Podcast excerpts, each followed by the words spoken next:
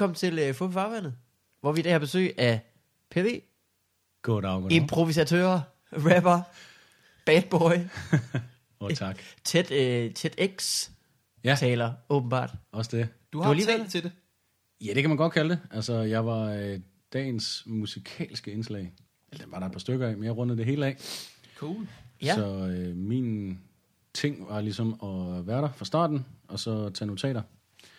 Og øh, så gik jeg simpelthen op til sidst og lavede sådan en semi-impro. Altså ud fra mine egne noter. Ja, okay. Ah.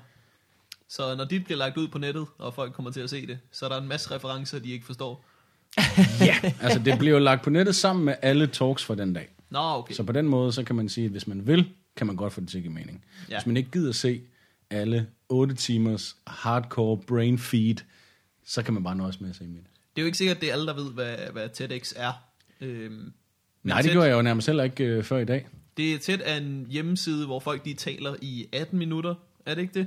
Det er alt mellem 6 og en milliard, tror jeg. Helt klart. Men så taler de Hvis du om- var den første mand på månen, så må du godt tale i 30. Ja, ja, ja, ja. ja. Hvis det var nummer to, Hvis du har billeder med. minutter. Ja. Kun hvis du har billeder med.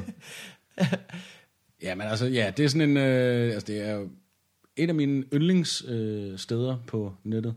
Og øh, nu har jeg så fundet ud af, at når det hedder TEDx, så betyder det så, at det er et øh, uafhængigt arrangement, Ja. som så ligesom honorerer de der TED-krav, hvilket vil sige, at det er et bestemt format, og alting bliver optaget, og alle taler på engelsk, undtagen mig. Og så vælger de så måske nogle af de her taler, der bliver holdt i dag, ud til at ligge på TEDs eget website. Ah, ja. Okay. Og det er ligesom kendetegnet ved, at altså, alting får jo flere hundredtusind views derinde. Ja, Det er- ja, ja, Det er jo et det stort community, og det var fandme altså en inspirerende dag ud over alle grænser. Altså jeg sveder stadig. Jeg er lige kommet af scenen, øh, tog en masse af Claus Meyers surdej, og kørte ud til jer Er, det- er, det, er det slang? Er det hiphop slang? for has. ja. Ja. Håndæltet has. ja. Klaus meget sur dig. Ja. Øh, Det kunne godt være hip-hop slang. Der står man altså ikke op tidligt dagen efter, hvis man er... Wheat, weed, det er det samme. Nå, weed, Hvede, ja. ja. Simpelthen. Øh, nej, men han skulle så øh, tale om alt muligt, men mest af alt om øh, ikke at skynde sig. Ikke at skynde sig. Ja. Ja. Og hvis man skal lave surdej, så må man jo ikke skynde sig. Fordi den skal ah. man jo Ah. ælte og elske, som om at det var ens egen Tamagotchi og eller pudelhund. Åh, oh, Gud. så øh, da han så var færdig, så lavede han en Oprah, hvilket er Under your seats we have a present for you. Ja. Og der var så en øh, lille bid af hans egen personlige surdej til alle. Og øh, altså han kunne jo ligesom, lige så godt have givet sin første fødte væk, ikke? Ja, det ja. Og jeg vil sige, der var en øh, meget, meget høj procentdel af interesse. Altså ud af de der 650 sæder, Ja. der øh, tog jeg lige runden, efter at alle var blevet gennet ud. Og der var altså 10, der ikke havde taget sin surdej med. Nej, hvor vildt. Så den har jeg så taget med. Ja. Så du skal bage et virkelig surt rugbrød nu. Det er folk, ja. der har glemt det. Der, Ja. Eller lyttet godt til budskabet. Vi behøver ikke skynde os, vi henter det senere. det gør de så ikke. Det er sur, der løber ingen steder. Indtil du kommer rendende. Ja. Nå, hvad, så han var det, det, han var det mest spændende, sagde du? ja, det synes jeg næsten. Sagde jeg det? Ja, det ja, siger jeg jeg tror, nu måske fald. du det, inden vi begynder at optage, faktisk. Ja. ja. Altså, jeg må jo lige øh, sige til alle eventuelle lyttere, jeg ved ikke, om I har nogle lyttere, Nej, nej, det skal du ikke regne men vi tændte simpelthen for record-knappen, altså inden for 30 sekunder efter jeg kom ind ad døren. Ja, Og øh, jeg har ikke gjort min research, jeg ved ikke, hvad det her handler om, men jeg Nej. har måske opsnappet sådan lidt i stratosfæren, at det ikke rigtig handler om noget. Ja, ja, Så ja. Ja, alting er, som det skal Og det er være. noget helt ude i stratosfæren alligevel. Og tilbage igen. Et lille ping fra en Nokia 3210 til en anden. Voyager. Jeg, øh, jeg så øh, et indslag om øh, TED-talerne på TV2 News, og øh, de havde sådan en perfekt øh, komisk forståelse, fordi de startede med at liste op alle dem, der har talt til det. Bill Clinton, Steve Jobs, øh, en masse cool folk, rigtig vilde folk, øh, og så sagde de, nu skal vi så til at se, hvem der er de danske talere, og så klippede de til en pige, der sagde, ja, jeg er jo spider, Nå. ja. hvilket øh, jeg kan forstå, at der har også været øh, vild, vildere ting end det, men Jamen altså, der var en gut, der arbejder med partikelacceleratoren i CERN, Ah, ja, ja, Shit. ja, ja. som lige fortalte, øh, hvordan at de havde haft det, da de opdagede Higgs-partiklen. The Hadron Som- Collider. Ja, som, ja, man har ligesom for nylig fundet, øh, man kan snuse til The Big Bang endnu vildere end nogensinde før. Ikke? Jo. Så det fortalte han om på sin helt egen, stille og rolig macho måde, og var rigtig grineren. Øhm, og Claus Meier, altså der var de her eksperter, eller hvad man mm. kan sige. Ikke? Øhm, og så var der forfriskende nok ligesom bare en spejderleder, der fortalte om, hvorfor hun var spejder. And I'm a scout to make the most awesome adults for the next generation. Og det var meget, meget fint og meget øh, rørende. Altså, Det var I sammenhængen var det fantastisk. Jeg, kan, jeg kan godt høre, at det har virket. Jamen, det, det lyder cool. ikke? Ja, Det har sejt. været, øh, det vildeste punkt har været, da hun sagde, og under jeres sæde er der snobrød til alle. Præcis. Bread eggs. ja. Så blev hun bare Claus Meier indenom. Reddit. Ja. Jeg bliver nødt til at pusse min næse. I snakker bare imens. Det er virkelig Nå, det er ikke en effekt på din mikrofon. Nej, nej. Mm. Mikkel er jo øh, syg og skal lave live-tv i aften. Det bliver rigtig godt. Oh ja, det er klart. Snortofonen. Snottofon. Øh, jeg ved ikke, øh, om- du kan huske det. Er vi det, live? Er det her live? Nej. Eller bliver det sendt om, en år, om et år? Det bliver sendt om, øh, det er sådan en, øh, en slags tidskapsel. Ja. Øh, sender det ud, ud til stratosfæren faktisk, det er sjovt, du siger det. Og Yes. så vender den lige om og siger, her Og var... sørge for, at absolut ingen aliens gider overhovedet beskæftige det er sig sådan, med vi denne klode. Nu er de snakker, Der sker sgu ikke noget dernede, Ja. nu er tænker de om snobrød og sur dej, og laver det ikke andet end at bage de der... Øh, jeg går ikke ud fra, at du husker det her. Øh, vi har mødtes før to gange, Mm-hmm. øh, hvor jeg har været, øh, tror jeg, 16 og 18 år gammel. Hold da op. jeg, jeg er 22 nu. F5'er, F5'er lige, hvor var det? Det var, øh, den ene gang har været til et foredrag, du holdt i en gammel kirke her på Nørrebro. Mm-hmm. Jeg var med mit gymnasie inden at se det. Og der var dig og en kvindelig forfatter, der snakkede om bare generelt at være kreativ, tror jeg det var. Hed Det lyder rigtig- tørt. Det lyder tørt. Det var ikke tørt. Jeg kan huske, at jeg hyggede mig, og jeg var henne øh, bagefter og sige, øh, jeg synes, du er rigtig god, og så løb jeg. Det gør man, når man er 16. ja, det, var, det var på Nørrebro, jeg var redselslagen. Ja, helt klart. Ja, Nå, fedt. Men det er da dejligt, du bliver siddende den her gang. Ja, ja, Hvad, ja, jeg øh, går ingen vej. hvordan er man... Øh, hvad, hvad, hvad var foredraget? Hvordan er man kreativ? Oh, det kan Ja. jeg ikke huske. Du kan ikke Det var også, et- det var også tavligt, kort- fordi du uh, rimede det meste af det, så det er et tavligt Ah. oplæg til mig, synes jeg. Klart, nå ja, ja, ja. ja. Mm. Men jeg tænkte også, øh, at vi kunne få et, et rappet. Nej. et referat. Øh, men Per, du har lige lavet en ny plade, som hedder Egoman. Egoman. Bare ego. Ego. Ja. Sådan der. Mm. Som handler mere om dig, Ja. Yeah. end du plejer. Var det det, der var øh, taglinen? Jamen det tror jeg, altså jeg tror jeg tidligere har lavet en masse krumspring for ikke at være personlig. Mm. Og på en måde så havde jeg også ligesom bare sådan en følelse af, at alle rappere var sådan navlebeskuende øh, to the extreme. Ja. Og det ligesom var, følte jeg, en befrielse at høre noget musik, der handlede om noget andet end afsenderen selv. Men samtidig er der jo også noget flygte-flygte ved den tilgang til det. Så derfor måtte jeg jo indrømme, at jeg faktisk havde en masse ting, som sagtens ligesom kunne øh, betragtes som meget indadvendte, eller meget selvoptagende, eller hvad man skal sige. Ikke? Men det handler om, hvordan man præsenterer sine emner, kan man sige. Så øh, eftersom at alle sangene var i den øh, sfære, jamen så skulle den da hedde Ego. Ja, klart. Ja. Men så det var simpelthen øh, vendt tilbage til dig selv, som du har prøvet at gå udenom, Ja. Yeah. for at øh, ligesom være ærlig med det, eller hvad? Ja. Mm. Jeg tror ikke, øh, jeg kan sige det bedre end det, egentlig. Gik det godt? Jeg synes i hvert fald, det var en øh, dejlig ting at lave, og jeg synes også, at jeg fik bedre respons med hensyn til at røre folk. Åh oh, Altså, ja. det er det her med, hvis man er privat, det kan være sådan noget som, nu skal jeg fortælle dig, hvor mange penge jeg tjente sidste år at tage rundt og rap, ikke? Ja. Altså, det er ulækkert, ikke? Jo. Men hvis man er personlig, så kan man, i hvert fald hvis man er heldig og gør det på den rigtige måde, så kan man være det på sådan en universel måde, Ja. så at øh, alle ligesom kan se sig selv i det. Og det synes jeg nærmest er det fedeste, og det var måske bare lige den, jeg skulle knække. Mm. Øhm, så på den måde ligesom sige, jamen, hvis jeg skal være helt ærlig, så er jeg ikke noget særligt. Men den følelse kan jeg måske så få kommunikeret ud Ja. på en særlig måde, eller på min egen måde. i hvert fald, Ja. Så, øh, så jo, det var jo øh, meget intimt, altså, øh, du ved, en sang til konen og en sang til børnene, men ikke på en måde, som jeg rigtig havde hørt før. Jeg tror også, at jeg er den første øh, rapper i dansk musik, der spiller fødslen af sin første fødte, inklusive mig, der griner og græder på samme tid i baggrunden. Altså, Nej. det er jo ligesom, det skal jeg gøre, og det skulle jeg have en masse øh, battles med konen om. Ja. Må vi det? Må jeg det over for dig? Altså, er det netop for privat? Ja. Men der var en historie knyttet til det, som gjorde, at det ligesom blev til et nummer, som, som jeg synes, øh, ja, altså er enestående. Ja.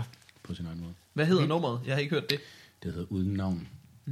Jeg har været sløj til at høre din øh, nye plade. Jeg har hørt meget øh, Smells Like Team Spirit.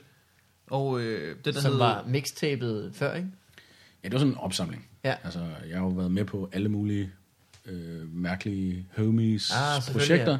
og øh, der havde jeg simpelthen en helt øh, klar taktik. Jeg sagde, det vil jeg gerne, og jeg skal ikke battle med din manager eller en eller anden udefra kommende dadelplukker, om jeg skal have en tarif, eller om jeg skal Nej. have en kold pizza for det. Jeg skal ikke have noget for det. Til gengæld vil jeg have lov til at udgive det som en del af min egen opsamling. Ah, hvor fint, ja. Så det har jeg gjort to gange nu. Jeg lavede etteren i 07, jeg lavede toeren her i 11, lige før at pladen kom ud, altså mm. mit officielle album, og jeg har faktisk allerede materiale nok til en treer nu. Åh, oh, hvor vildt. Nu venter jeg bare på, at de andre rent faktisk får det udgivet på deres egne projekter først. Ah, det er klart. Fordi der er nogen, som arbejder med, med lange latenstider, eller hvad man skal kalde det. Ikke? Altså, der ligger nogle numre, der har været klar i over et år, som Åh. stadig ikke er udkommet. Jamen, det er selvfølgelig sådan noget med øh, pladeudgivelser og øh, branchefolk og pisse lort, der skal passe. Ja, lige præcis. Må du sige, hvad det er for nogle numre? Ja, det må jeg godt. Øhm, der kommer et øh, nu på mandag. Nu skal man jo aldrig nævne øh, tidspunkter, når ikke det er live. Ah, nej. Men her om ganske få dage, det vil sige, det er udkommet. der kommer Usos plade, og øh, han har lavet sådan et ultra multi stjernespækket øh, Ja da. socialdemokratisk Klubhit. track. Det tror jeg næppe, fordi der okay. Må nødvendigvis være omkring 600 takters rap på det nummer. Oh. Jeg tror, det er 14-15 øh, mennesker, der er på. Fedt. Og det er alt fra Jøden og Johnny Hefti til Two Track til øh, Johnson og LOC og Neon og... Du kunne godt have lavet Joey LOC fucking med samme stemme, faktisk. Nej, ikke rigtigt. Han fik dig ved at sige Johnson der. Det var du ikke klar på. Johnson Baby. Jeg synes, han er så fantastisk i toppen af poppen. Han er ja, så grineren og så fed og bare shit, man. det er rigtigt. Jeg har set det meget i den her sæson. Men jeg har desværre ikke set det så meget. Jeg har set det to gange, og jeg synes simpelthen bare, altså, det er det eneste fede reality-program, og det eneste fede musikprogram i Danmark. Der er godt nok heller ikke mange musikprogrammer i Ej, Danmark. ja, er Det der er så, fordi det er det eneste. Så er der automatisk det. Men jeg synes virkelig, det er cool, fordi at der endelig er noget, der ikke fokuserer på konflikt. ja. Og det er så sjovt, synes jeg, at jeg skrev kægt på Facebook, du ved, okay, Tom og Poppen, det er det eneste, jeg nogensinde vil stille op i, af den slags. Og dagen Ja. efter ringer de. Ikke nu, nej. Nå. Men så kom der selvfølgelig en masse øh, kommentarer på den, og der var mange, altså der var rigtig mange, der godt kunne lide det, og dem, der ikke kunne lide det, kunne så ikke lide det, fordi folk er så søde ved hinanden. Mm. Altså, der er en, der stiller sig op og synger en sang, som en af de andre ved bordet har skrevet, og ham, der lige er blevet fortolket, synes jo, det er fantastisk. ja. Og det er da klart, at der endnu ikke er en eneste, der har sagt, det synes jeg var voldtægt på min sang. Men det er bare sjovt, at man ligesom her har en, øh, en tv-transmitteret middag, hvor folk synes, det er kedeligt, at der ikke er nogen, der kaster drinks i hovedet på hinanden. Ja, ja, Fordi man ligesom er blevet så vant til, at al fjernsyn handler om konflikt. Ikke? Jo. Og det synes jeg er super befriende, at det ikke gør. At det rent faktisk handler om kunstnere, der forholder sig kunstnerisk til andre kunstneres kunst. Og alle Punktum. får fem point. hele, hele vejen rundt Stor femmer, Ja. kæmpe Ja, det, femmer. er, det er på mange måder ligesom scenen af din, bare kun med Etta Cameron som dommer. Ja. Øh, no, det, jeg har slet ikke set det, men det, det, er, det virker meget, meget hyggeligt. Altså, men, hvad kan man sige, man kan heller ikke blive sur over, at nogen har fortolket ens nummer, hvis man har meldt sig til det program. Altså, på Jamen, det lige tidspunkt præcis. har man jo Der er nok ikke nogen, der sidder og tænker, hvad fanden bilder du dig ind, Peter Bailey? Det er jo, sådan at lave det på din egen måde. Jamen lige præcis. Men jeg synes stadigvæk, at det var sigende, ligesom, at folk blev mærke i, åh oh, ja, det er måske nogle dygtige musikere, det er måske også nogle fede ting, de laver med hinanden, men jeg kan bare ikke holde ud det der med, at de sidder og klapper hinanden på skulderen bagefter. Altså, men det hedder jo social omgang. Ja. Ja. Det er det, man gør. Ikke? Altså, hvornår var det sidst, at du tog til en middag, og så bare flåede bordet op, smed rejerne i kavalergangen på moster. Det er, folk har jo vendt sig til øh, øh, sådan for lækker til opting med folk, der bare klapper sig selv på skuldrene. Ja, Det Ja, kan ja, være, men det, det. øh, altså, Har Jokeren ikke været med i øvrigt i... Øh, i Ikke for lækker til op, i tror jeg. øh, da. musik, halløj, jo, han var med sidste år. rundesang hedder Toppen af poppen. Tolv Poppen, ja. ja. Ja, men det var han. Ja. Øh, på den sidste øh, Smells Like Teen Spirit, havde du et nummer med Frank Vam, ikke? Var det Jo. ikke den plade? Jo. For, øh, var det noget, I aftalte, mens du var på tur? For du har været på tur med Frank også, som opvarmning. Ja, det var jo øh, fandme 130 shows i Ja. ja. alt. Altså, det var ret... Øh, Han er populær. det må nok sige, det er det absolut mest folkelige, jeg nogensinde har lavet. Til sammenligning, hvad har været din næststørste tur? Åh, pas.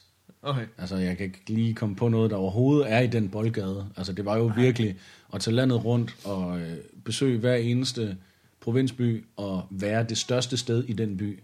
Og så Ja. som regel optræde i hvert fald to gange hver dag, Hold for ligesom at øh, kunne møde efterspørgselen. Ikke? Shit. Altså, det var 113 shows på tre måneder.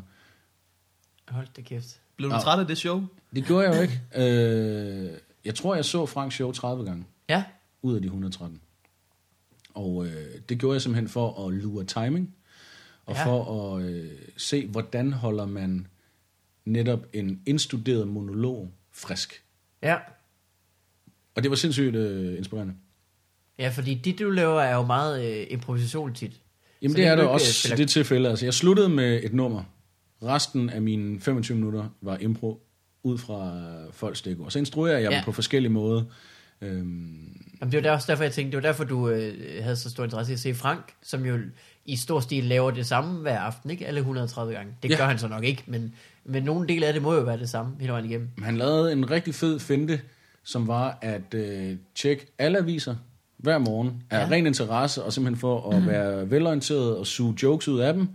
Udover det, så Wikipedia'ede han lige byen, vi var i, og tjekkede Ja. ja. lokalaviser. Fordi så gik han ind og lavede fem total, hej med jer, uhøjtidelige startminutter, hvor han lige vidste, hvad der rørte sig, hvad var folk oprevne over, Ja, hvad er der særligt ved den her by, som alle, der kommer ud fra, kender. Man er lige øh, på fornavn med borgmesteren, og så får han fem totalt fede punchlines ud af det, og så siger han, nu bor jeg så selv på Vesterbro, og så er han i gang. Ja, og det ja, ja. hele virker ligesom, man kan ikke lure, at nu kommer. Nej. noget, som han også sagde i går. Så det var en genial måde ligesom at komme fedt i gang på, og være meget vedkommende og personlig. ja så er vi lige pludselig venner fra starten af, ikke? Det ved jeg ikke, om jeg måtte sige, men det var sådan, han Det tror jeg gerne, du må. Det er, øh, det er smart. Er det? Er det jeg var inde og se... Ja, det, er en, det er en af de nye kanaler, ikke? Det er smart. Det er, det er smart. smart. Det lyder... Øj, kæft, mand. Jeg har jo ikke haft et firma, der hed Det er smart. Har, du har haft et firma? Det startede okay. min, øh, min virksomhed med hed. Fremalt det coinsangen. Øh, vi bliver ved, ved, ved og ved, ligesom konditrapper. Folk råber hyren, for det er fedt, når vi rapper. Det er smart. Sådan. Der, øh, Yes. så hed det sådan. Det er smart at sætte sig ind i, hvor man er. Jeg så... Øh, øh, Nu glæder mig til at se, hvor lang tid vi kan snakke øh, igen, før at vi nævner et andet af Mikkels kuldslåede firmaer. Polar Bear Underwear. Var du inde og se, det skulle vist have været øh, øh, øh, Nars på, kan det have været Pumpehuset, som vist har åbnet med at sige Good Evening Sweden. Åh. Oh. Uha, ja. Jeg tror, jeg har set Nars i Storvækker. Jeg husker ikke, at han lavede sådan en der. Jeg husker dog øh, Redman helt tilbage. Uh, Der var jeg en youngster, og han var super hot Mm. i 90'erne, som øh, spillede på staden og sagde, what's up London? Åh, oh. Altså, er det langt væk. er det super? Hvem Men- er han? Wu-Tang? Nej, Nej. han har lavet en hel del med Method Man for Ah. Wu-Tang. De er sådan et live makkerpar og har et af de bedste live shows overhovedet. Nå, Men han er altså sådan, først og fremmest soloartist. Ikke? okay. Jeg kan huske ham bedst fra Della Soul nummeret. Mm. Uh, uh. Ja, helt klart. Det er der, hvor de lader øh, øh, troldmanden for os i video. Det kan jeg ikke huske. Jeg Det- det, siger, jeg ikke huske det, som jeg, om, at jeg, jeg, har kan love set dig, at det bliver klippet jeg ind her. kender det. her. Mm. Lad os lige se. Det er Et vildt klip. at, at, at, sige London på staden. Du må have siddet et fly på vej derhen. Jeg tror, folk siger helt utrolig mange ting på staden. Ja, det, What's up, mom? Som har været død i 20 år. ja. What's up, pink elephant? Ja. Præcis. Hvad lærte du så af Frank? Du sagde det med the pandering the locals. Det er, det er Ja, lige præcis. Øhm, socialt acceptable punchlines. Jamen, øh, det var meget det her med, med timing og at få ting til at virke nærværende, selvom at det er lang tid siden, du tænkte tanken, eller skrev ja. joken. Mm. Øh, det var rigtig, rigtig fint. Øhm, for at svare på dit oprindelige spørgsmål, Ja. så lavede vi et nummer sammen, ja, hvor jeg rappede et vers, og hvor han talte et vers. Som var en bit om øh, nogle mænd, der føler sig store i deres store biler. Ja, lige præcis. Ja. Og øh, det var faktisk en af de bits, det er sådan et comedy-udtryk, en bit. Ja, Wow. ja. Det er også et computerudtryk jo. det er rigtigt, men Så- der er det noget mindre, end, end hvad det man skal bruge til at repræsentere ja. en bit i ren tekst. Frank gik på scenen og sagde enten 1 eller 0. Og folk, de elskede det. Så skiftede han ud fra dag til dag, ikke? Ja, ja. Et nogle gange. Nogle gange kørte han med 0 en hel uge. Lige ind på Wikipedia først. Hvad hedder borgmesteren? Nå, så bliver det et i dag. Okay, en Hvad, vil comedy du, bit. hvad vil du snuse dig frem på, øh, til på Wikipedia, for om det skulle være 1 eller 0? Øh, et, det er mænd. Okay, ja. Helt Der var klart. den. Helt klart. Til de pæreformede kvinder siger man bare 0. øhm, okay, en comedy bit er altså længere end en computernørde bit. Øhm, En ja, det var en, bite til gengæld. Ja, det kan godt være. Ja. Det kan godt Nå, være. undskyld. Hvad siger Undskyld du? mig. Øhm, det var en oprindelig bit, som var med i prøveshowsene. Nå ja, Vi lavede ja. to prøveshows for at prøve formen. Han prøvede sit materiale, og der tror jeg, han var oppe på at tale to, øh, to timer. Altså Ja. prøvede han alt muligt, og så ligesom, hvad han fik grinen af, og hvad han selv skulle arbejde videre med, og så videre, så videre. Og der lavede han musikbil, biden, og den var aldrig tilbage til det egentlige show. Ah, okay. Så derfor, fordi den inspirerede mig, fordi at jeg kunne se noget i den, så synes jeg, det var super fedt at sige, hey, den der, den kommer aldrig ud til folk. Vil du ikke øh, Ja. ja. indtale den med et fedt beat i baggrunden, og så har jeg skrevet noget, der matcher. Det virker ret godt på optagelsen. ja, det synes jeg. Ja. Det synes jeg sgu. Jeg kan huske, at jeg så den, fordi han var jo, han var jo, nu skal det ikke handle om Frank det hele, men han var jo også på open mic i lang tid. Altså ligesom ude at prøve øh, jokes Imponerende af. lang tid. Meget længere end de fleste komikere, der laver store one-man-shows gør. Så han havde samlet en hel masse sammen, inden han begyndte at lave prøveshows faktisk. Og så deraf trak han stadigvæk ting fra. Det er ret vildt, at han... Øh, Det er jo research. Altså, det, det er jo fedt. Det gør sig ubehag. Ja, præcis. Ja. Altså, det er jo en kraftpræstation i sig selv, at huske 80 minutters ene tale udenad. Ikke? ja. Og når der så skal være mimik og bevægelser og dynamik og alt muligt andet, før at det ligesom hæver sig op og bliver mindeværdigt, jamen øh, klart, at øh, der går utrolig meget forberedelse ja. til det. Jamen, det er rigtigt. Hvad så, øh, altså, hvad, øhm, det du laver, improvis- improvisationsshowet, er jo som oftest, altså det er jo stadigvæk punchlines, man laver ikke på en eller anden måde. Der er så bare rimer. Men mm. ser du det sådan selv som comedy også? Eller er det rent, rent rapmusik? Det ser jeg det. Rapmusik lyder som en mormor. er det rent, ja. er det rent hip-hop? Eller, er det også, eller er det comedy? Altså jeg synes jo noget af det, der gør dig øh, specielt, og måske noget af det, du har øh, bidraget med øh, til freestyle-genren, øh, i hvert fald sådan som jeg ser det, som ikke værende hiphopper, det er, at det skal også være sjovt. Altså du vinder flere point på at, være, øh, at give en morsom punchline, end at sige, at moren er rigtig dum. Ja. Yeah. Jamen det er jo det. Altså, jeg synes jo også, fordi jeg kommer ud af battle-traditionen og battle-historien, Ja. det var jo også det største, at kunne få folk til at grine. Dengang. Mm. Altså, at kunne øh, sige noget i situationen om modstanderen, der rent faktisk var lattervækkende. Ikke? Det var jo det største. Altså, man har ligesom nogle, øh, hvad skal man sige, det er sådan en trappe, trip-trap, træsko. For det første skal du få det til at rime. Derefter skal du forholde dig til musikken. Altså en ting er ligesom, at det er tight, at det passer til Ja. det beat, der nogle gange bliver lagt. Men der kan du så også gå et skridt videre, at det rent faktisk bliver musikalsk, at du rent faktisk opfører dig som en solist. Altså Ja. ligesom en øh, jazztrompetist skal forholde sig til en melodi, han improviserer over, at du så rent faktisk har overskud til at angribe det her beat og gøre det mere spændende, at du ikke bare taler. At Ja. du rent faktisk er en rytmisk solist. Når de ting så er på plads som sådan en eller anden form for grundlag eller fundament, jamen så derover der kommer indholdet. Det skal så være rettet mod din modstander, fordi det er nu engang formatet. Og jo mere, hvad skal man kalde det, jo mere kreativ du kan være i det spændingsfelt, jo bedre er det. Hvis du rent faktisk kan finde noget, sige noget, som er sjovt, så er det jo bare fantastisk. Ja, ja, ja. Så bliver det ligesom det der ekstra lag, ikke? At, øh, Ja. Folk er jo allerede imponeret, når man kan s- snakke så hurtigt, og øh, finde på noget, der både passer på rytmen og på, øh, på versefødder. Men så at man også kan gøre det morsomt oveni, det er jo bare... Øh, det er jo Ja, der, lige vi præcis. bliver Det- bedre det- end de andre. Ja, og det er der, man har publikum om nosserne, ikke? Ja. Øhm, så, Så- så det er jo sådan set bare det, jeg har taget med mig. Altså, hvis jeg skal definere, hvad freestyle er, eller hvornår man er god til det, så er det jo, når man er god til at aflæse situationen. Så altså din vigtigste øh, kvalitet, det er situationsfornemmelse. Og der er det jo fuldstændig ligegyldigt, om der er en modstander i salen, eller om du står foran et publikum som den eneste. Mm. Situationsfornemmelse. Hvad har folk brug for? Hvordan kan du ligesom tage den her situation og servere den igen for dem på en musikalsk måde? Ikke? Ja, og det er måske også øh, i en, måske, øh, hvad kan, jeg ved ikke om det er mikro eller makro form, er det med at øh, læse op om byen, inden man begynder at optræde, ikke? Eller man ligesom er til stede, hvor man er. Ja, altså det er så mere, øh, hvad skal man sige, øh, det kører mere på en eller anden sådan ryggradsfornemmelse. Altså Ja, det er svært ligesom at, at lære, og det er lige så svært at lære fra sig, hvad er der brug for lige her? mm. Hvad synes folk er rigtig sjovt, rigtig rørende, rigtig passende? Ikke? Altså, i det her rum.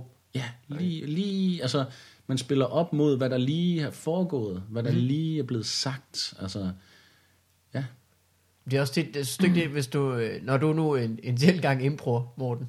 Det sker øh, kun, hvis jeg bliver tvunget til det nærmest. Men så er det jo også, fordi du bliver tvunget til det, ikke? At der sker noget i lokalet, som man Jo. bliver nødt til at tage stilling til på en eller anden måde. Men jeg kan godt lide, når man bliver tvunget til det. Det, Ja. ja. det er en sjovere udfordring på den måde. Øh, for mig er det lidt en, en, en smagssag, når jeg ser stand-up.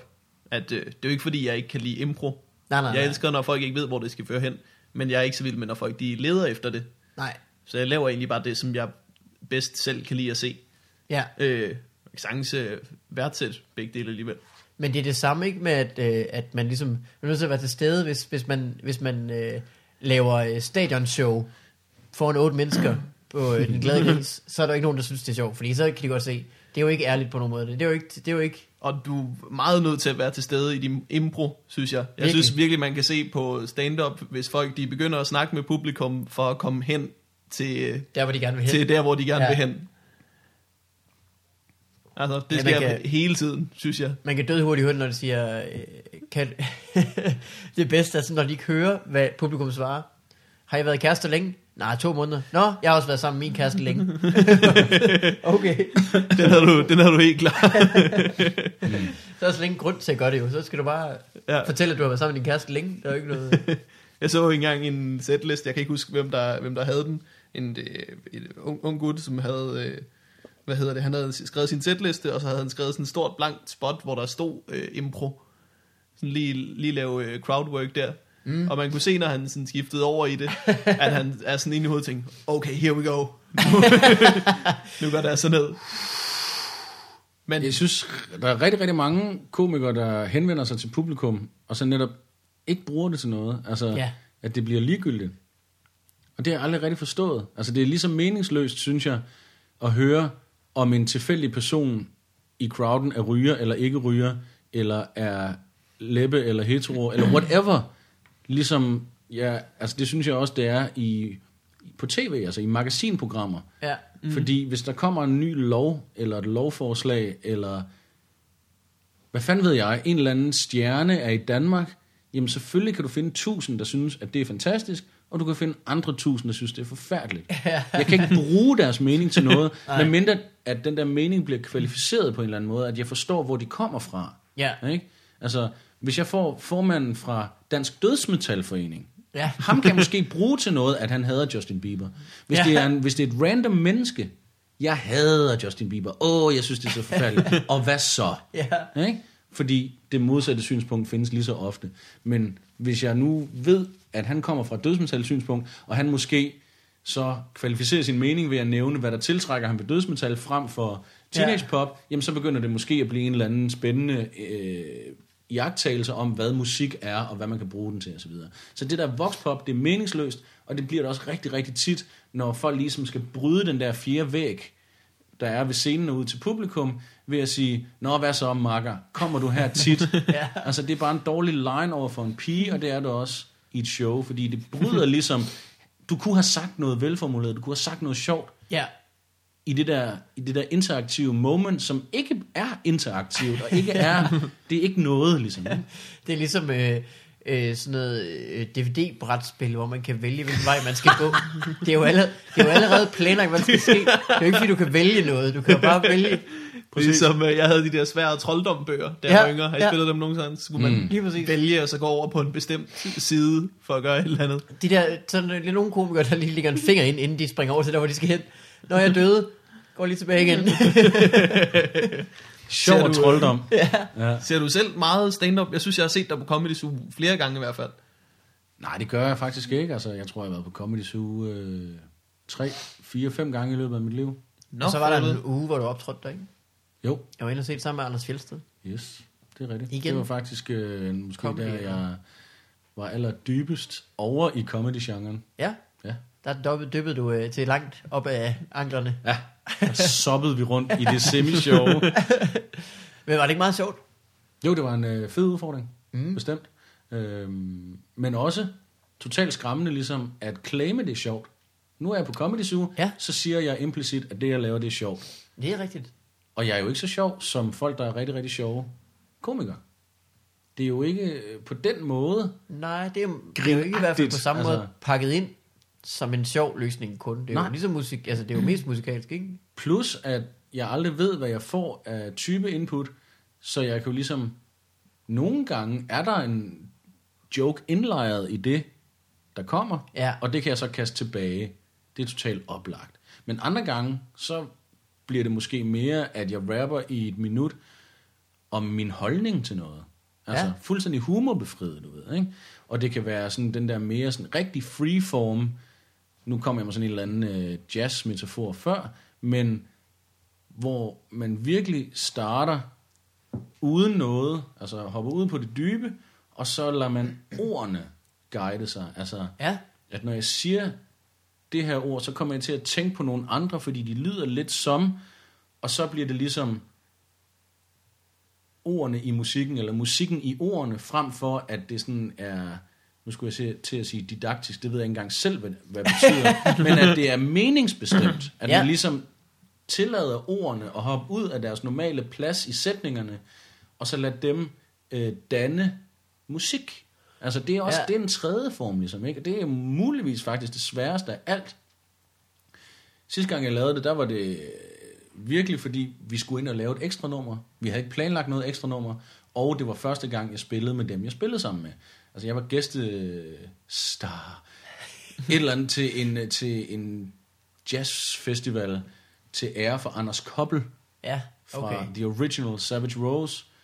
Han havde 50 års scene jubilæum, fordi han spillede sin første koncert, da han var 13, som solist med en eller anden rimelig fancy symfoni, han selv havde skrevet, Øj. og nu er han så 63. 50 år på scenen, så han spillede tre dage i træk ude i Valby til sin egen festival, rimelig sejt, og så spillede han simpelthen med alle de bands, han var med i, og så havde okay. han også nogle øh, øh, særlige aftener, hvor han så havde simpelthen inviteret folk, som han ikke havde spillet med før, men som han synes var spændende og så videre. Så derfor gik vi ind fuldstændig altså på flad fod, ikke? Ja. Ja. Og øh, så havde jeg så Noise på pladespiller, som jeg har haft med mange gange. Og han sætter så et beat på, som engang er blevet brugt af en... Eller en, han sætter en jazzplade på, som engang er blevet samlet af den ikoniske New Yorker duo Gangstar. Ja, ja, ja. Og det husker jeg jo selvfølgelig lige med det samme, når, han, når det der riff det kommer. Og så rapper jeg den første linje fra det nummer på engelsk. Og så siger jeg simpelthen derefter, hvad der lige falder mig ind. Altså Ja. uden at der er kommet noget guf for publikum. Ikke? Hvad for noget? Det var I'm the Man. Åh, det kan jeg- fra Daily Operation 1993. meget nørdet og meget old school og så videre, men det var sådan et nummer, som jeg kender rigtig godt. Ja. Så det var ligesom, der startede den.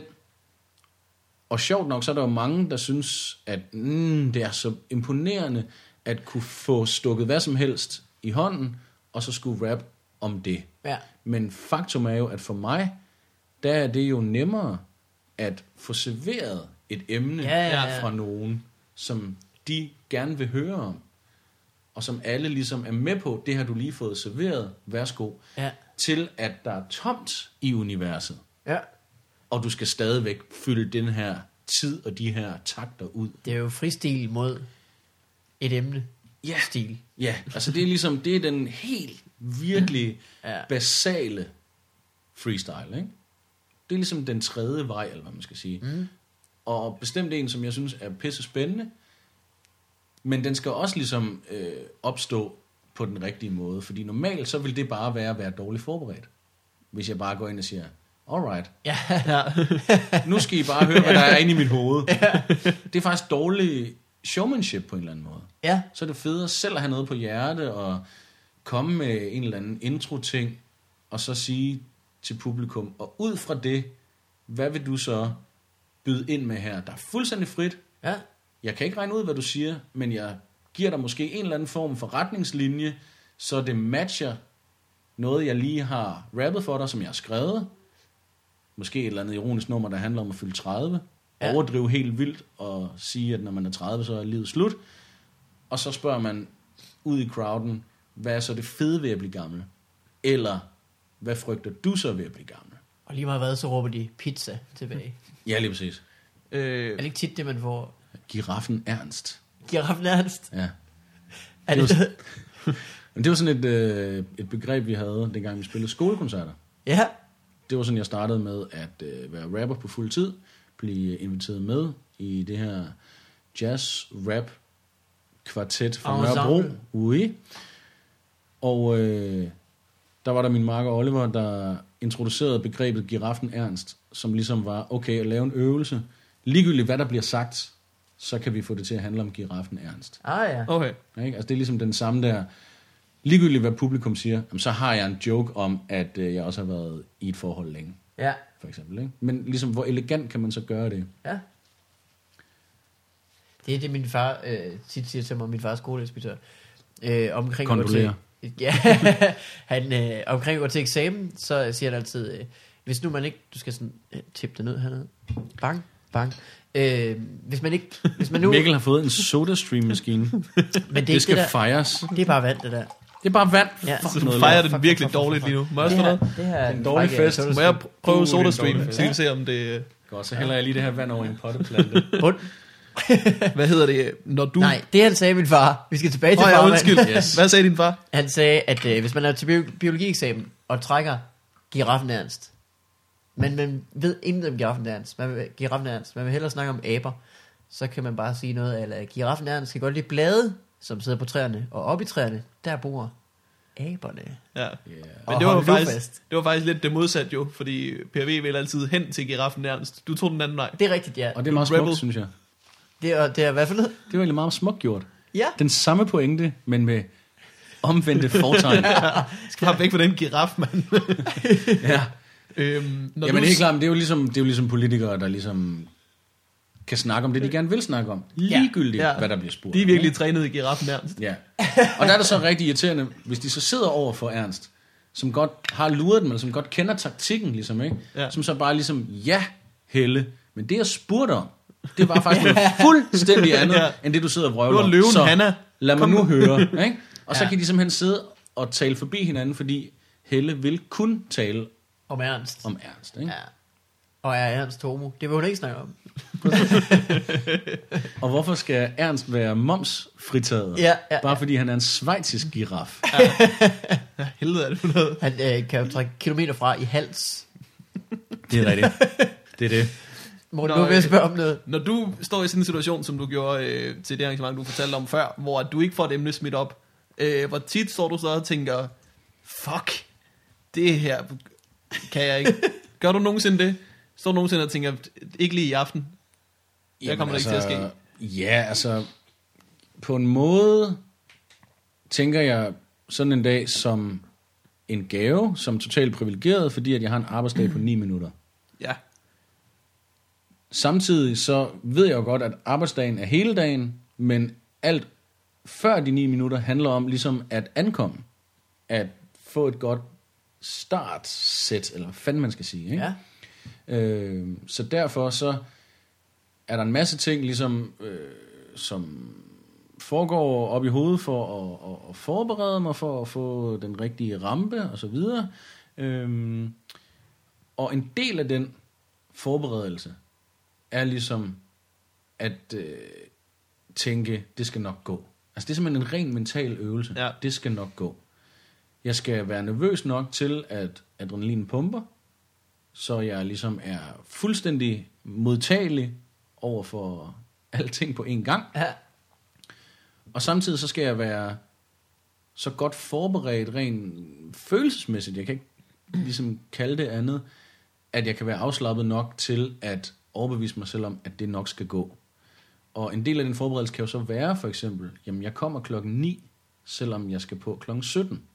Og i de 8 timer, der indsamler jeg info. Altså sådan en dag som i dag, der er det jo semi-impro. Der er det jo sådan et eller andet skridt mellem at lave noget i samme sekund, som man siger det, og have lynskrevet en sang. Ja. ja. Altså jeg har hørt på alle de her mange talere, og så har jeg taget nogle noter. Hvad synes jeg, deres hovedpointer var? Hvad var sjovt? Hvad var spændende? Hvad var rørende? Og så videre. Og det kommer ned på papir, men det er ikke hele sætninger. Det er stikord, ikke? Ja. Og det er så det, der er mit benzin, når jeg kommer op. Altså, så det er sådan en, en sang, jeg har lavet i løbet af i dag. Jeg sætter den sammen live på scenen, Ja.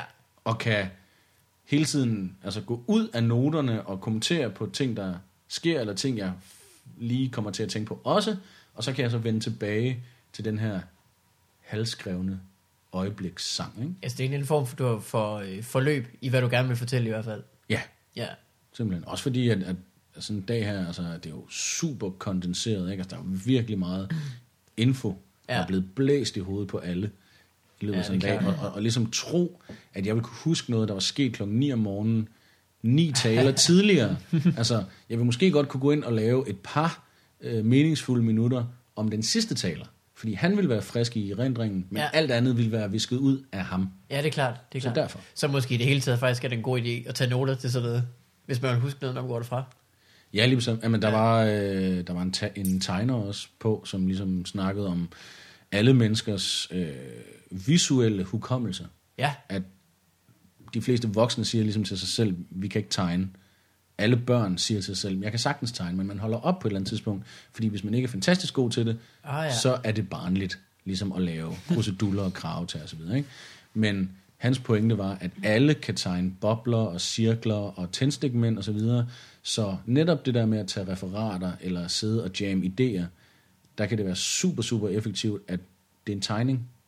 Altså ligegyldigt hvor Ja. lavt niveau det måtte være på, så er det federe, end det bare er øh, lange øh, rækker af flueklatter. Ikke? ja, det er sikkert det samme med, med, med folk, der synes, de kun lærer noget i undervisning, når de tager noter. Altså det er sikkert også, fordi så er man ligesom hånden i gang med at skrive noget ned, og man kan se, at det bliver til noget, og alligevel så skal man lytte mere imens, fordi man skal også Mm. kunne skrive, Ja, tænker jeg. det tænker Jamen, jeg det er også. rigtig spændende, Per. Øh, vi skal også nå at snakke om morgen. så vi vender vel øh, tilbage på et tidspunkt. Vi Men... plejer altid lige, vi har forskellige øh, runder, vi har været igennem gæsten, og så har vi altid lige en what up, hvor mig og Mikkel spørger hinanden, hvordan det er gået. Ah. Men du må endelig være med. Så jeg kan ikke helt øh, lægge mig tilbage. Jeg må godt byde ind. endelig. Selvfølgelig må du, du kan læne dig tilbage. Ellers skal du komme ind med en øh, 9 minutters rap om... Men Morten, hvordan, øh, hvad er der sket siden sidst? What up in your life? Det er en uge siden, vi optaget. Ja, der er sket, øh, der er sket øh, meget godt. Der er sket det gode, at jeg fandt på en, øh, en, øh, rigtig, en rigtig god, synes jeg, ny bit. Og så er der sket det dårlige, at jeg fandt ud af, at øh, Thomas Hartmann også har fundet på den. Ja, Men bare, øh, bare sådan et år før mig, i hvert fald. Øh, så du er et Red- år too late. ja, rigtig irriterende. Øh, det kan godt være, at de ikke stikker udelukkende over hinanden, så jeg skal snakke med Hartmann om, om jeg kan lave det. Men det, det handler om der skal få det til at handle om, øh, at øh, i handicap-OL, så, øh, så er der jo ikke nogen, sådan, nogen krav for, hvad folks handicap skal være rigtigt. Nej, Altså, så der kan sagtens være en, øh, en stangspringer uden underkrop, der Handicap, er imod en stangspringer, der sidder i kørestol. det er Altså, jo, det er jo Der vil jeg godt indskyde. Der Ja. vil jeg godt byde ind, at jeg hørte noget helt vildt i går, at der simpelthen er en dansker, der har verdensrekorden i en eller anden sådan mix sportsgren, hvor at man skulle øh, tilbagelægge en eller anden distance med løb og kano. Wow. Det findes jo. Der findes jo alle Ja, ja, ja. mulige øh, kombinationer af løb og cykling og bjergklatring og hvad fanden ved jeg, ikke? skydning. Ja, ja. Og det, der så var så vildt, det var, at han tjekkede ligesom relevantet, at der stod ikke nogen steder, at man ikke måtte øh, for eksempel tage sin kano. Altså man, man bar ligesom sin kano, Ja. mens man løb. Ikke? Og så løb man hen til søen, og så padlede man. Kom man op på den anden side, skulle man løbe videre til det næste vandhul, hvad fanden ved jeg. Så det ligesom var øh, skiftevis. Men der stod ikke nogen steder, at man skulle i vandet. Så han løb, han løb rigtig, rigtig hurtigt. Ja. Han var rigtig stærk, så han kunne sagtens holde, holde den der kano. Så han løb udenom søen. og så vandt han. Nej, Og han slog verdensrekorden. Og først året efter, eller netop fordi de så til året efter havde ændret reglerne, så der stod, at på bestemte tidspunkter skulle man sætte sin kano i søen, så har han verdensrekorden, og ingen kan slå den. ah, Ej, hvor... Jeg håber, der har været en regel for, hvor stor kanoen skulle være, fordi du kunne sagtens bare løbe rundt med en lille. Ja. Så er det altså hurtigt at komme rundt om øh, Lyngby Sø. En Playmobil kano. ja. Ja, bestemt. Men det synes jeg bare er vildt sejt, og jeg, jeg vil rigtig gerne have opsporet altså navnet på denne evige kanoløbs rekordholder. Man må da kunne gøre noget ved det. Kan man ikke fjerne folks øh, rekorder sådan tilbagevendende? Jamen det tror jeg så måske øh, kræver en øh, enstemmig vedtagelse i øh, kanoløbs union. Og der sidder garanteret en mand i den union, der godt kan se, det er lidt sjovt. Præcis. For en mand, men så må I kæmpe om... turisterne kan jo Øh, lide det. ja. Jeg synes jo, at handicap-OL burde man jo være mere øh, psyched over en almindelig OL. ja, det er så meget sejere. Handicap-OL er jo vildt. Prøv at se ham, han mangler et ben, og alligevel så løber han mega stærkt. Men det, det jeg snakker om i den var, at, øh, at der er ikke nogen forskel, at der er kæmpe forskel på deres handicap. For eksempel i bueskydning, så var der en mand, som ikke havde nogen arme, så han skulle sidde og sådan holde buen sådan mellem sin, hvad hedder det, tommeltog og pegetog. Du peger ikke med den. Men de to tæer, der sidder længst til højre på dit Jeg venstre ben. Vi er alle sammen med. Ja. skulle han holde den mellem, så skulle han sådan holde pilen mellem sit hoved og skulderen, og så skulle han ligesom slippe på det rigtige tidspunkt og ramme en skive, der var virkelig langt væk. Og han var så i finalen, hvor han var op imod en øh, mand, der sad i kørestol, Ja, som bare kunne sidde og skyde. Han kan sgu da være med i det rigtige ord. han rammer altid lige 30-40 cm under. Det er så lidt mm. problemet med det. så er han en dårlig buskyt, der ikke lige kan sigte højere. Han har glemt sin rampe den dag. Men øh, det er der, hvor mig og Hartmanns jokes øh, kører hen over hinanden. Det har jeg så fundet på e- efter, som er egentlig det, jeg er mest glad for, og som jeg synes kan være undskyldning for at lave det alligevel. Det er, at når der er så stor forskel på deres handicap, så føles det bare virkelig fjollet, at der stadig er opdelt mellem mænd og kvinder. Fordi der er pænt meget stor forskel på folk, der har arme og ikke har arme. Altså, der er større forskel på folk, der har en tidsmand og ikke har en tidsmand. Medmindre du stiller op i en virkelig syret sportsgren, hvor det er afgørende. øh, jeg skal virkelig tisse. Er det okay, at jeg går ud og tisser? Det må du godt. Gør det. I, I kan bare tegne imens. Kom du til at tænke på det, da jeg sagde tissemand? Åh, oh, Gud. Godt, alle pauser nu podcasten, fordi alle lytter skal tisse. Hvor hvis man sidder og hører det her, smut ud af tis. Få det klaret.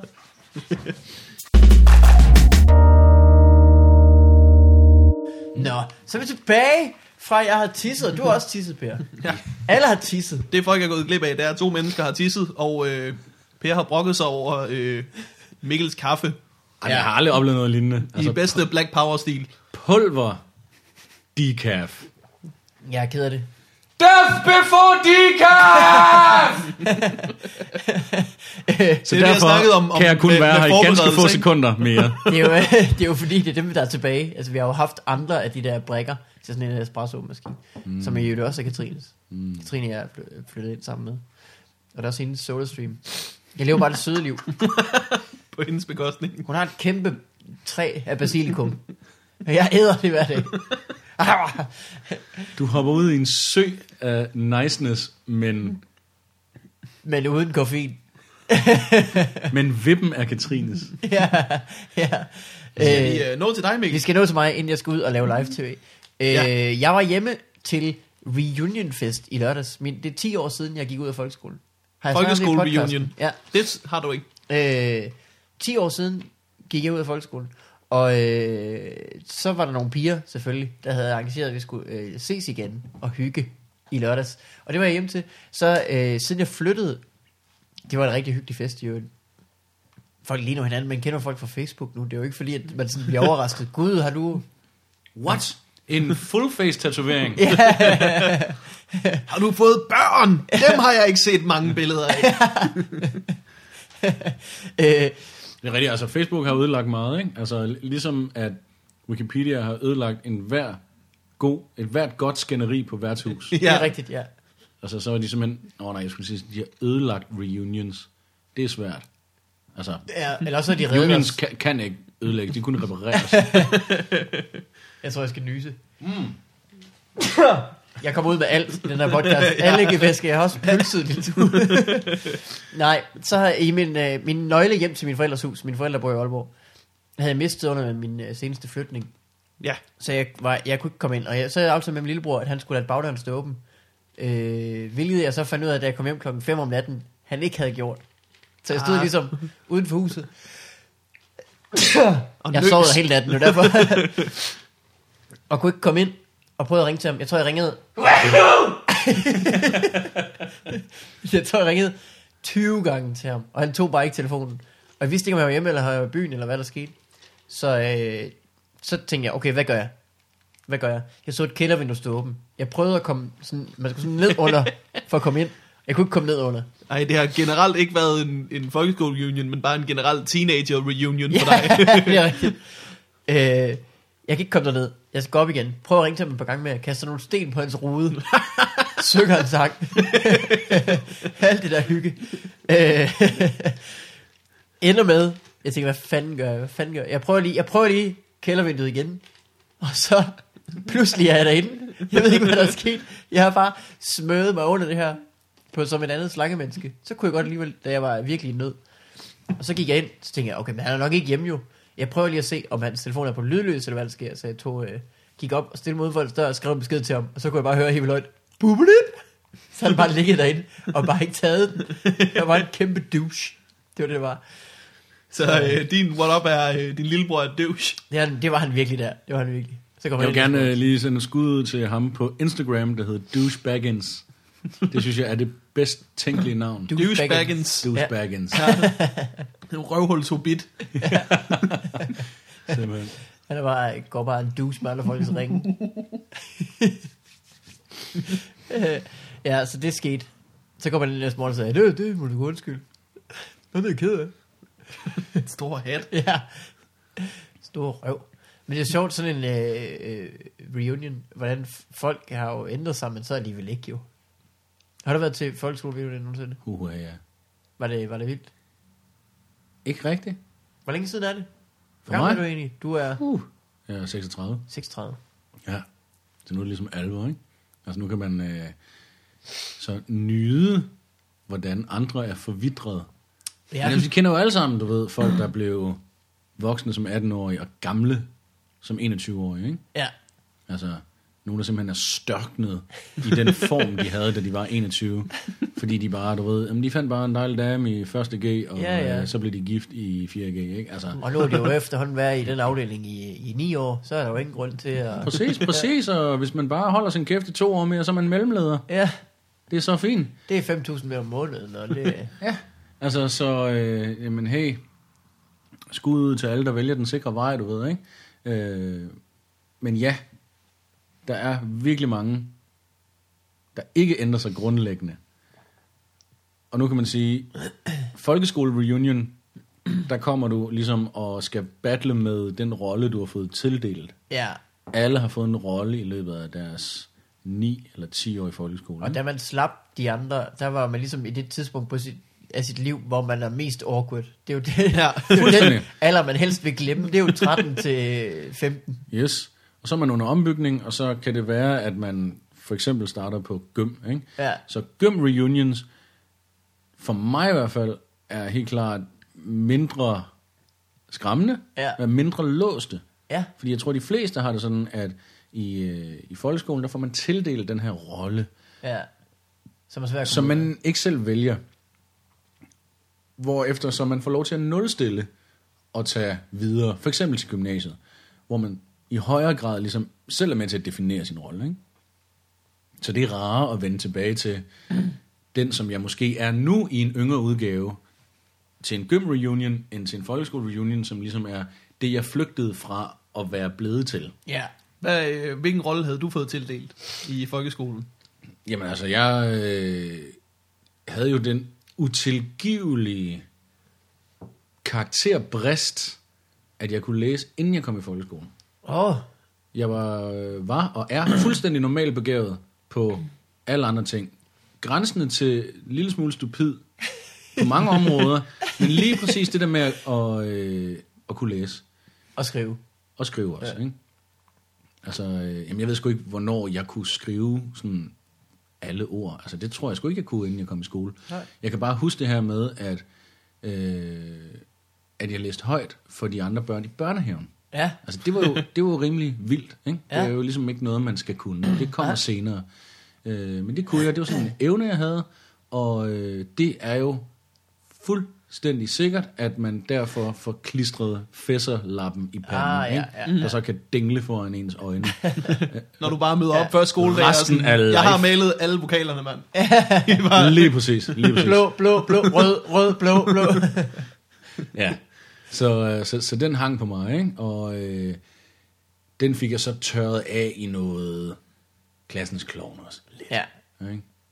Der var nogen, der var endnu mere klovnet, øh, fordi altså, det er også en måde at overleve på. Ikke? jo, jo, jo. Men du er på det sjove hold i hvert fald. Ja, ja, bestemt. Det er sjovt. Jeg øh, har fået at vide af min mor, at jeg, øh, jeg lærte først at skrive øh, i, i miniklub, da man skulle var nødt til at... Jeg lærte at skrive mit navn virkelig sent. Ja. Da man skulle skrive sit navn på computerlisten. Ah, Simpelthen, så er der ikke nogen vej udenom længere. Hvis det er det, der står imellem dig og Commander Keen. Så øh, det er klart, everything for the high score. ja, sådan der har jeg så skrevet rigtig meget. på computerlister. ja, ja, ja. Står øverst altid. Der er en miniklub, der hader mig. Miniklub. Wow. Det hedder Vi havde øh, Super Nintendo i, i, i, øh, i Dusen, hedder det jo endnu. i Ja, det, det fik Aalborg. vi også. I dusen. Dusen, ja. Wow. Nej, i Dusen. og så sidder det, det var, øh, det kan godt være, det er en klassiker, en stand-up bit det her, men, men folk, når de sådan skulle dreje i bilspil, så de lænede sig med joysticket, Og ja, og skulle hoppe i Mario, det var altid bedre lige at hive op i joysticket. og ja, kom så. Det var vildt. Ja. det er jo derfor, Wii er opfundet. Det er sådan, så øh, Det er rigtigt. folk har en undskyldning. Som ikke ser så fucking dum, eller man ser stadig dum ud. Ja, ja. Men det, har, øh, det giver mening nu. ja, præcis. Øh, men Per, Ja, nu skal vi til at øh, slutte. Men, øh, hvad hedder det? Sker der noget nu? Nu kommer det tredje mixtape.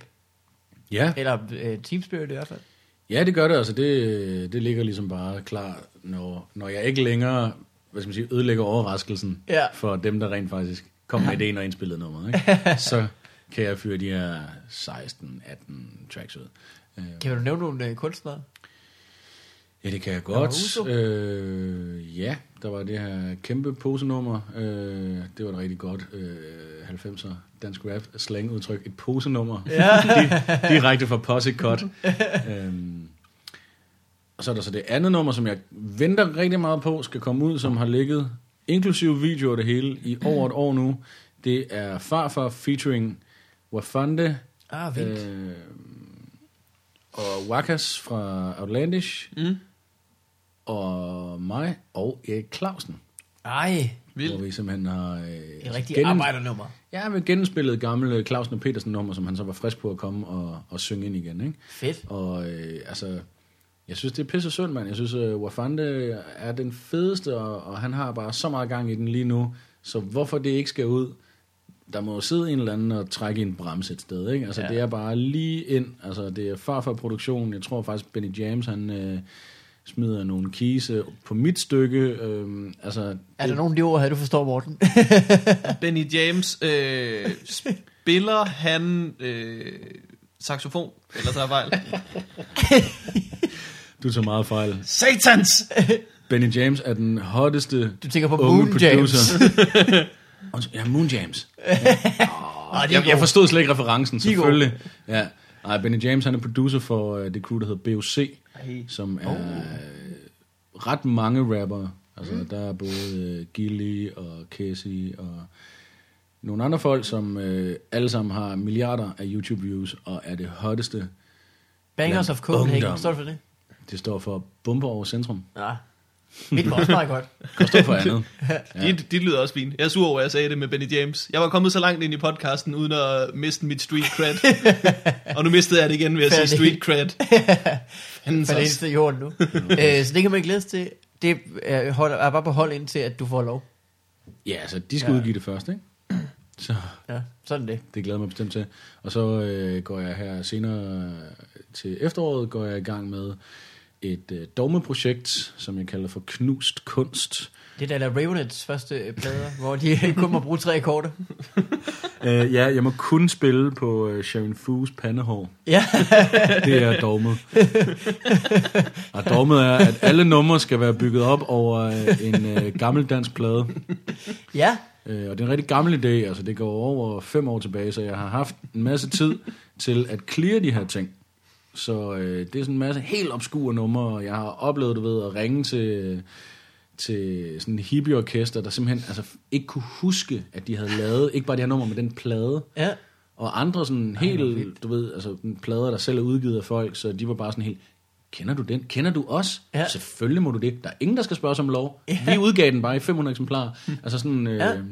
sådan en, en, en, en pladesamler ting. Altså jeg har altid, du ved, været, på udkig efter sjældne plader og, og finde sample på dem og sådan noget. Ikke? Så, så der ligger en masse forarbejde, jeg har gjort, og nu skal den altså bare i kassen. Så det glæder jeg mig rigtig meget til.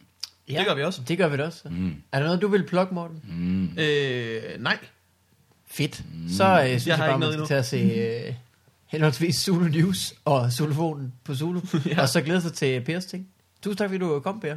Det var en øh, Pisse fornøjelse. stor fornøjelse. Jeg anede ikke, hvad jeg gik ind til. Nej, Det ved jeg stadigvæk ikke. nej. Og nu er det over. ja. og du fik lov at tisse af alt muligt. Nej, det er så luksus. Nå, men øh, vi ses. Det gør vi. Hej hej. Hej. hej.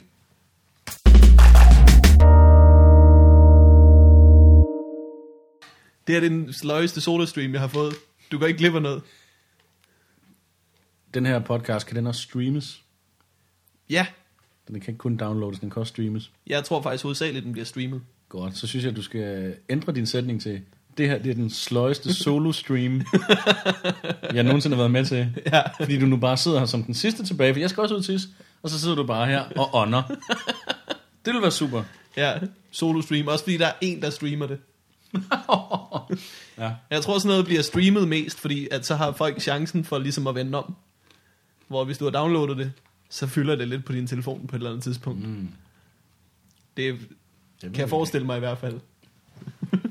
der er kun ét toilet. det skal du lige vide nu, hvor du rejser dig op.